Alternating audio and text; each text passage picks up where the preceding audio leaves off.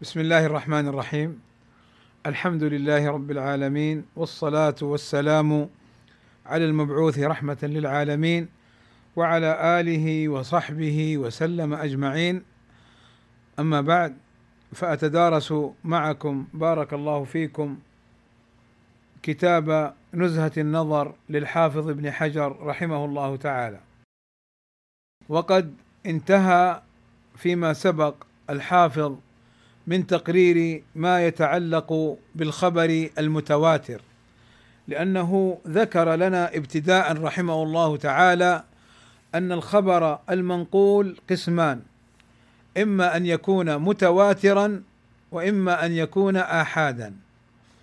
ثم أفاد أن المتواتر ليس من مباحث علم الإسناد والمصطلح لأن المتواتر كله صحيح.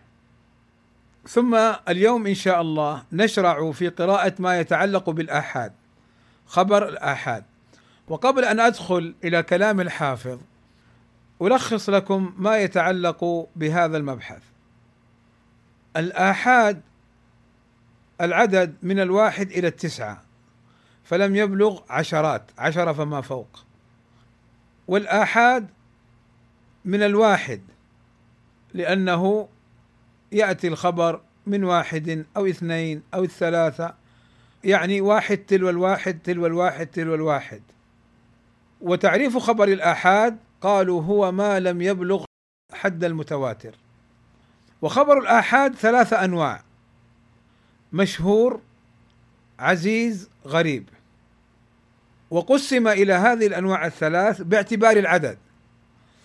فإذا رواه عدد من الثلاثة إلى التسعة سمي مشهورا وهذا واضح أنه ثلاثة فأكثر اشتهر. وإذا رواه عدد على الأقل في أحد طبقاته اثنان سمي عزيزا. إما أنه سمي عزيزا لأنه لما كان واحد تعزز أي تقوى بالثاني وإما لأن خبر الآحاد الذي يرويه اثنان قليل وعزيز نادر. وكلاهما يجتمعان في العزيز. أعني القلة وأعني تعزز أحدهما بالآخر تقوي أحدهما بالآخر. وإما غريب أي رواه واحد فرد في أحد طبقاته. وأنبه هنا إلى الضابط الذي ذكره الحافظ رحمه الله تعالى سابقا.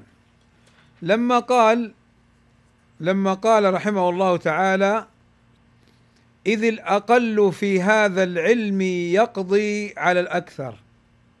هذه القاعدة نطبقها هنا. لو جاءنا خبر حديث نقله في كل الطبقات عدد كثير. سواء قلنا عشرين ثلاثين أربعين مئة ألفين عن ألفين عن ألفين عن ألفين عن ثلاثة إلى التسعة في أحد الطبقات. هذا يسمى مشهور. طيب ليش مشهور؟ لأنه في أحد طبقاته العدد ما بين ثلاثة إلى التسعة. يعني سواء كان في الطبقة ثلاثة أو أربعة أو خمسة أو ستة أو سبعة أو ثمانية أو تسعة. طيب والطبقات البقية؟ صحابة تابعون فمن بعدهم فمن بعدهم. عدد كبير. نقول لك نعم. في علم الإسناد العدد القليل هو الذي يوصف به السند. فلو كان السند كله عدد كثير عن عدد كثير قيل متواتر. لو كان السند كله عدد كثير وفي أحد طبقاته أقل عدد ما بين الثلاثة إلى التسعة قيل مشهور. وكذلك لو جاء في أحد طبقاته عدد كثير عن عدد كثير وفي أحد طبقاته اثنان سمي عزيزا. وكذلك لو جاء بأن روى عدد كثير عن عدد كثير وفي أحد طبقاته واحد سمي غريبا. فهذا هو المتعلق بخبر الآحاد وأنواعه. وخبر الآحاد مشهور أو عزيز أو غريب فيه الصحيح والحسن والضعيف كما سيأتي إن شاء الله. بخلاف المتواتر مر معنا سابقا أن المتواتر كله صحيح. الآن نقرأ كلام الحافظ رحمه الله تعالى بعد هذه المقدمة. قال والثاني يعني هو ذكر الأول المتواتر والثاني وهو أول أقسام الآحاد. ما له طرق محصورة بأكثر من اثنين يعني ثلاثة إلى التسعة. قال وهو المشهور عند المحدثين وسمي بذلك لوضوحه الشيء المشهور شيء اشتهر وواضح. قال وهو المستفيض على رأي. قد تسمع أو تقرأ في بعض كتب الحديث أو المصطلح أو في بعض عبارات العلماء حديث مستفيض. فيكون المستفيض معناه ما رواه عدد من الثلاثة إلى التسعة. قوله على رأي يعني على رأي بعض أهل العلم أو جماعة من أهل العلم. قال وهو المستفيض على رأي جماعة من أئمة الفقهاء. سمي بذلك لانتشاره. ومن فاض الماء يفيض فيضا. يعني الخبر المشهور الذي يرويه عدد من الثلاثة إلى التسعة شبهوه باستفاضة الماء. الماء الفائض الذي يبدأ يخرج ويخرج ويخرج حتى يكثر خروجه. كذلك إذا رواه ثلاثة إلى التسعة كثر عدد رواته. قال ومنهم من غاير بين المستفيض والمشهور. يعني منهم من قال لا المستفيض يطلق على اصطلاح والمشهور يطلق على اصطلاح. طيب ما هو وجه المغايرة؟ قال بأن المستفيض يكون في ابتدائه وانتهائه سواء. يعني مثلا يرويه ثلاثة عن ثلاثة عن ثلاثة عن ثلاثة عن ثلاثة. يرويه أربعة عن أربعة عن أربعة عن أربعة عن أربعة. والمشهور أعم من ذلك يعني أن المشهور يشمل هذا ويشمل ما إذا رواه ثلاثة عن ثلاثة عن خمسة عن سبعة عن ستة عن تسعة. لا يكون العدد مستوي في كل الطبقات. فإذا المستفيض له اصطلاحان. الاصطلاح الأول مستفيض بمعنى المشهور تماما. عدد يرويه من الثلاثة إلى التسعة على أي صورة كانت. الاصطلاح الثاني للمستفيض لا يرويه عدد من الثلاثة إلى التسعة لكن باستواء هذا العدد في كل الطبقات كما مر معنا. والمشهور أعم من ذلك. يعني يشمل المستفيض على الصورة الثانية ويشمل ما إذا رواه عدد أكثر في أحد الطبقات. قال ومنهم من غاير على كيفية أخرى وليس من مباحث هذا الفن. يعني أن من العلماء من جعل المستفيض وأطلقه على معنى آخر. الحافظ يقول ليس هذا من مباحث علم الحديث. هذا يذكر في الأصول لأن الأصوليين ذكروا في المستفيض معنى آخر وهو أن يكون الخبر تلقته الأمة بالقبول فقالوا هذا مستفيض. لكن هذا ليس من مباحث علم الإسناد كما ذكر الحافظ. طيب قال الحافظ ثم المشهور يطلق على ما حرر هنا أي ما رواه عدد من الثلاثة إلى التسعة. قال وعلى ما اشتهر على الألسنة فيشمل ما له إسناد واحد فصاعدا بل ما لا يوجد له إسناد أصلا. طيب. هنا الحافظ رحمه الله تعالى يذكر لنا اصطلاح للمشهور. لا تعلق له بخبر الآحاد وإنما يستعمله العلماء على المعنى اللغوي من اشتهار الشيء بين الناس. فيقول قد تجد في كلام العلماء على سبيل المثال حديث إنما الأعمال بالنيات فيقول هذا حديث مشهور. بينما إنما الأعمال بالنيات ما له إلا إسناد واحد. طيب كيف إسناد واحد؟ عدد واحد. ونحن نقول المشهور ما رواه من ثلاثة إلى التسعة. قال لك اعلم أن هناك اصطلاح خاص فيطلقون المشهور من الحديث على معنى ما اشتهر على الألسنة. ومعنى على الألسنة أي ما اشتهر في كلام العلماء. أي ما اشتهر في كلام العلماء أو حتى اشتهر على ألسنة العوام. قال فيشمل ما له إسناد واحد مثل حديث إنما الأعمال بالنيات. ويشمل ما لا إسناد له أصلا. يعني الأحاديث التي تشتهر على ألسنة عامة الناس وتكون ليست موجودة في كتب الحديث. أعطيكم مثالا. ذكره الألباني رحمه الله تعالى في السلسلة الضعيفة. ما هو هذا المثال؟ حديث مشتهر على ألسنة كثير من الناس وأحيانا الخطباء حتى وأحيانا في وسائل الإعلام.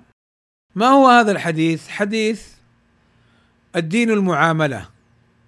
يقول الألباني رحمه الله تعالى هذا الحديث لا إسناد له ولا وجود له في كتب الحديث وإنما اشتهر على ألسنة العوام. إذ لم ينقل عن النبي صلى الله عليه وسلم أنه قال الدين المعاملة. لكن معناه جاء في أحاديث أخرى بعثت لأتمم مكارم الأخلاق. إن أثقل شيء في الميزان حسن الخلق. خيركم أحاسنكم أخلاقا.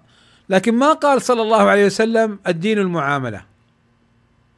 فاذا هذا المشهور ليس من مباحث الآحاد ولكن هذا اصطلاح عند العلماء. هذا اصطلاح عند العلماء. وهذا النوع عن المشهور الذي هو على الألسنة ألف فيه العلماء كتبا من أشهرها كتاب الحافظ السخاوي المقاصد الحسنة فيما اشتهر على الألسنة. وهو من أفضل ما ألف في هذا الباب. والحقيقة أنه هناك أحاديث يستعملها الناس وهي إما ضعيفة وإما لا إسناد لها. فعلى المسلم أن يتقي ربه وأن يحافظ على دينه فلا ينقل من الأحاديث إلا ما كانت في درجة القبول صحيحة أو حسنة. قال الحافظ رحمه الله تعالى بعد أن انتهى من المشهور قال والثالث الأول المتواتر والثاني المشهور والثالث العزيز قال وهو أن لا يرويه أقل من اثنين عن اثنين وسمي بذلك إما لقلة وجوده أي وجود أحاديث رواها اثنان عن اثنين وإما لكونه عز أي قوي بمجيئه من طريق أخرى. قال وليس شرطا للصحيح خلافا لمن زعم. يعني هناك من العلماء من يقول إن الحديث لا يكون صحيحا ولا يخرج في البخاري إلا إذا رواه عدد اثنين عن اثنين فصاعدا. قال وليس شرطا للصحيح خلافا لمن زعمه. قال وهو أبو علي الجبائي من المعتزلة. قال وإليه يومئ كلام الحاكم. يومئ بمعنى يشير. كلام الحاكم أبي عبد الله في علوم الحديث حيث قال الصحيح أن يرويه الصحابي الزائل عنه اسم الجهالة. بأن يكون له راويان ثم يتناوله أهل الحديث إلى وقتنا كالشهادة على الشهادة. يعني كأن كلام الحاكم يشير إلى اشتراط العدد في الرواية بمعنى اثنين على الأقل. قال وصرح القاضي أبو بكر بن العربي في شرح البخاري بأن ذلك شرط البخاري يعني أن يكون أقل عدد في الخبر أو في الحديث اثنان. قال وأجاب عما أورد عليه من ذلك بجواب فيه نظر. يعني لما قال ابن العربي في شرحه للبخاري إن شرط البخاري أن يروي الحديث الذي رواه اثنان على الأقل في كل الطبقات. اثنان فأكثر على الأقل. فأورد عليه حديث إنما الأعمال بالنيات. فانظروا بماذا أجاب ابن العربي رحمه الله تعالى. قال فإن قيل قال ابن العربي فإن قيل حديث الأعمال بالنيات فرد يعني رواه واحد عن واحد لم يروه عن عمر إلا علقمة. قال قلنا قال ابن العربي جوابا قلنا قد خطب به عمر على المنبر بحضرة الصحابة فلولا أنهم يعرفونه لأنكروه. قال الحافظ كذا قال. كذا قال هذه عبارة تستعمل بمعنى الاستغراب وعدم صحة الكلام السابق. قال الحافظ وتعقب أي استدرك على ابن العربي ورد عليه وتعقب بأنه لا يلزم من كونهم سكتوا عنه أن يكونوا سمعوه من غيره. يعني لا يلزم من أن الصحابة الحاضرين أن يكونوا يعرفون هذا الحديث من قبل فسكوتهم ليس دليلا على علمهم به. هذا الجواب لدفع كلام ابن العربي. قال وبأن هذا أي وتعقب أيضا بأن هذا لو سلم في عمر رضي الله عنه منع في تفرد علقمة. طيب يقول لو سلمنا في الصحابة وعمر علقمة ما رواه عن عمر إلا علقمة. قال في تفرد علقمه عنه ثم تفرد محمد بن إبراهيم به عن علقمة ثم تفرد يحيى بن سعيد به عن محمد على ما هو الصحيح المعروف عند المحدثين. يعني أن هذا الحديث يعتبر غريبا فردا وبالتالي ليس كون الحديث عزيزا رواه اثنان على الأقل شرطا للصحيح. قال الحافظ وقد وردت لهم متابعات لا يعتبر بها لضعفها. يعني جاء الحديث من طرق أخرى حديث إنما الأعمال بالنيات. لكن هذه الطرق الأخرى وهم. هذه الطرق الأخرى وهم وخطأ في الرواية. فلا يعتد بها فلا يقال الحديث عزيز ليس غريب. لا بل هو غريب. طيب والروايات الأخرى هي وهم وخطأ. ولذلك قال لا يعتبر بها لضعفها أي لا لا نستطيع أن نجعلها رواية مقوية ومتابعة لرواية عمر رضي الله عنهم أجمعين. قال وكذا لا يسلم جوابه في غير حديث عمر رضي الله عنه، يعني ابن العربي ذكر الأحاديث الغريبة في الصحيح وحاول أن يجيب عنها بما يجعلها ليست غريبة يعني ليست مما رواه واحد بل رواه اثنان فأكثر. فقال الحافظ جوابه لا يسلم يعني تكلف تكلف في الجواب. ثم قال الحافظ قال ابن رشيد وهو الفهري من الحفاظ الرحالة قال قال ابن رشيد ولقد كان يكفي القاضي في بطلان ما ادعى يعني ولقد كان يكفي القاضي ابن العربي في بطلان ما ادعى يعني ما ذكره أنه شرط للبخاري في بطلان ما ادعى أنه شرط أنه شرط البخاري. أول حديث مذكور فيه يعني حديث إنما الأعمال بالنيات. ثم قال الحافظ وادعى ابن حبان نقيض دعواه يعني ابن حبان ادعى نقيض يعني قولا يخالف الدعوة السابقة. ماذا قال ابن حبان؟ قال إن رواية اثنين عن اثنين إلى أن ينتهي لا توجد أصلا. يعني يقول لا يوجد حديث رواه اثنان عن اثنين عن اثنين. اذا هذولاك الجبائي وما أشار الحاكم إليه في كلامه وما صرح به القاضي ابن العربي يقولون شرط الصحيح أن يرويه اثنان في إحدى طبقاته على الأقل. جاء ابن حبان قال العكس قال لا يوجد حديث رواه اثنان عن اثنين إما مشهور وإما غريب. فيرد الآن عليه الحافظ بأن يوجه كلامه فقال قلت إن أراد أن رواية اثنين فقط عن اثنين فقط لا توجد أصلا فيمكن أن يسلم. يعني حديث في طبقة الصحابة اثنان في طبقة التابعين اثنان فقط في طبقة أتباع التابعين اثنان فقط. وهكذا في كل الطبقات يقول نعم قد لا يوجد مثل هذا. لأنه الحديث يأتي يرويه اثنان عن ثلاثة عن خمسة عن ستة يشتهر بعد ذلك. لكن أقل طبقة اثنان فهو عزيز. أما كونه اثنان عن اثنين عن اثنين عن اثنين من أوله إلى منتهى يقول الحافظ يمكن أن يسلم لابن حبان هذه الدعوة. قال وأما صورة العزيز التي حررناها أي أن يأتي الخبر في إحدى طبقاته اثنان على الأقل قال فموجودة بأن لا يرويه أقل من اثنين عن أقل من اثنين. قال مثاله أي مثال العزيز ما رواه الشيخين أي البخاري ومسلم. من حديث أنس والبخاري من حديث أبي هريرة أن رسول الله صلى الله عليه وسلم قال: لا يؤمن أحدكم حتى أكون أحب إليه من والده وولده الحديث قال ورواه عن أنس قتادة وعبد العزيز بن صهيب. ورواه عن قتادة شعبة وسعيد. ورواه عن عبد العزيز إسماعيل بن عليا وعبد الوارث ورواه عن كل جماعة. طيب هنا نلحظ أن هذا الحديث حديث عزيز. فين العزة؟ فين يرويه اثنان؟ في طبقة الصحابة رواه فقط أنس وأبو هريرة.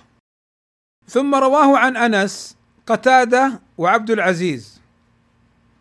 ورواه عن قتادة شعبة وسعيد. ورواه عن عبد العزيز إسماعيل بن علية وعبد الوارث. ورواه عن كل جماعة. إذا اشتهر بعد ذلك لكن هو أقل عدد فيه اثنين وهو ما جاء في طبقة في طبقة الصحابة. ثم انتقل إلى الحديث عن النوع الرابع من الحديث وهو الثالث في الآحاد. النوع الرابع من أنواع الخبر المنقول متواتر الأول والثاني المشهور والثالث العزيز والرابع الغريب. هذا على التفصيل على الإجمال الخبر إما أن يكون متواترا وإما أن يكون احادا والآحاد إما أن يكون مشهورا أو عزيزا أو غريبا. فبين النوع الرابع فقال والرابع الغريب وهو ما يتفرد بروايته شخص واحد. في أي موضع وقع التفرد به من السند على ما سيقسم إليه الغريب المطلق والغريب النسبي.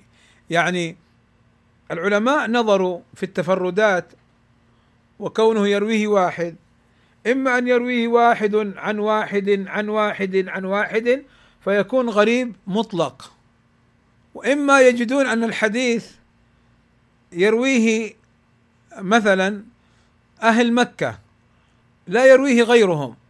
فيقولون هذا غريب نسبي أي بالنسبة للبلاد.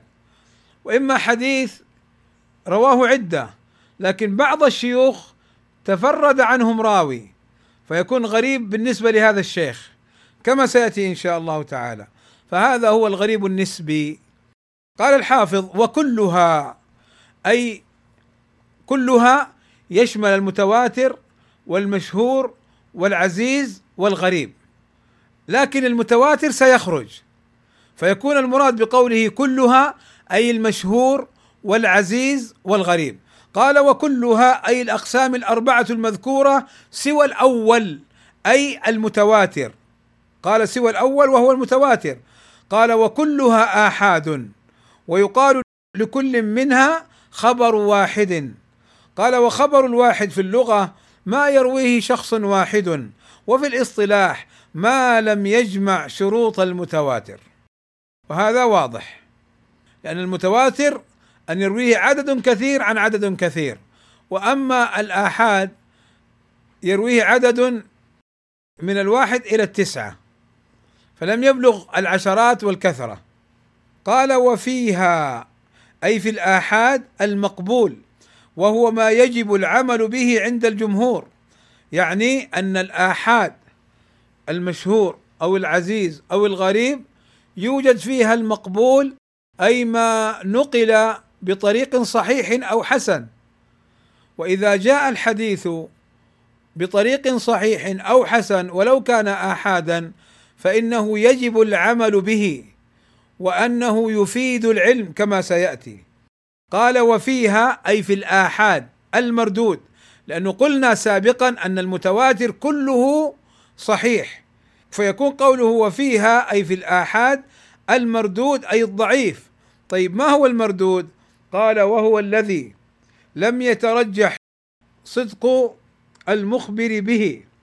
يعني أن الآحاد يوجد فيه الضعيف لأن الناقل قد يكون من صفاته سوء الحفظ أو ضعف الحفظ أو أنه أصبح مختلطا يخلط أو أنه فيه أمر آخر كما سيأتينا إن شاء الله في أسباب الجرح. قال وفيها المقبول والمردود. لماذا؟ قال لتوقف الاستدلال بها على البحث عن أحوال رواتها دون الأول يعني دون المتواتر.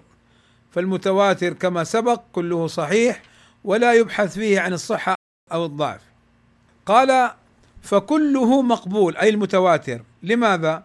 قال لإفادته القطع بصدق مخبره بخلاف غيره من أخبار الآحاد. يعني لما يأتيك الخبر من واحد اثنين ثلاثة أربعة خمسة إلى أن يصلوا عشرة فأكثر ما الذي يحصل في نفسك؟ يحصل في نفسك العلم واليقين أن هذا الخبر صحيح. ولما يأتيك الخبر من طريق واحد أو اثنين أو ثلاثة أو أربعة يحصل في نفسك أيضا العلم بصحة الخبر إذا تأكدت أن هؤلاء النقل يعني حفظوا وضبطوا ولم يخطئوا في الرواية. فإذا تأكد في نفسك ذلك حصل في نفسك العلم بصدق قولهم. قال لكن إنما وجب العمل بالمقبول منها يعني بالمقبول من الآحاد.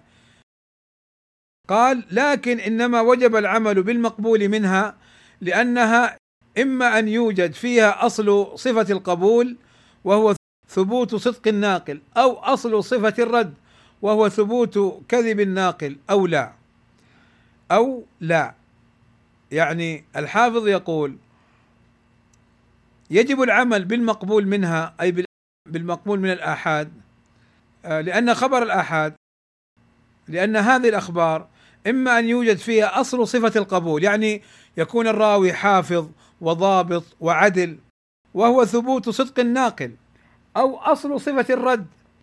يعني أن يكون الخبر الذي نقله إنسان كذاب فإذا جاء الخبر من طريق الكذاب خلاص خبر مردود.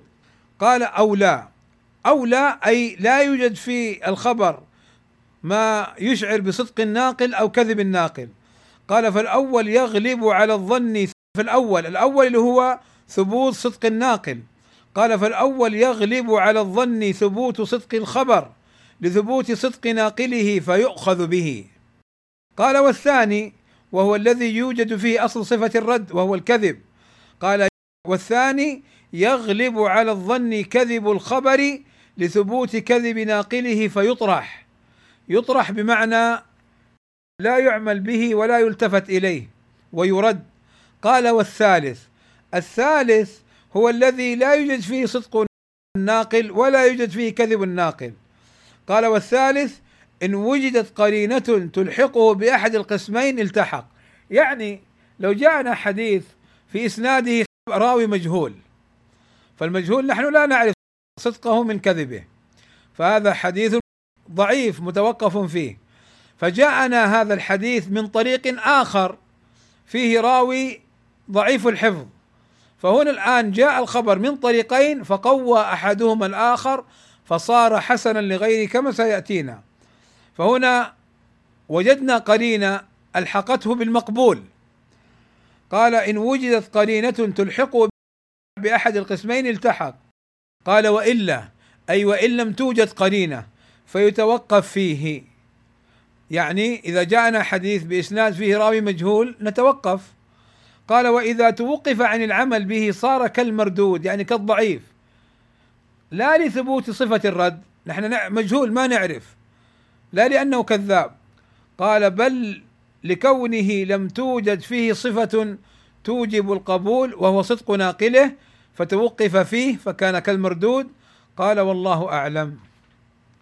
اذا الآن الحافظ ابن حجر رحمه الله تعالى بعد أن ذكر المتواتر ذكر القسم الثاني وهو الآحاد بأقسام ثلاثة المشهور والعزيز والغريب. ثم بين لك أن الآحاد فيها المقبول والمردود وأن المقبول يجب العمل به عند الجمهور والمردود لا يعمل به. ثم بين لك أن الخبر يجب العمل به لثبوت صدق الناقل ولا يجب العمل به إما لعدم ثبوت صدق الناقل بأن يثبت كذبه أو لا يوجد فيه صفة القبول. فيكون كالمردود عند التوقف به ولا يعمل به. وأكتفي بهذا القدر في هذا اللقاء وصلى الله وسلم على نبينا محمد وعلى آله وصحبه وسلم أجمعين والحمد لله رب العالمين.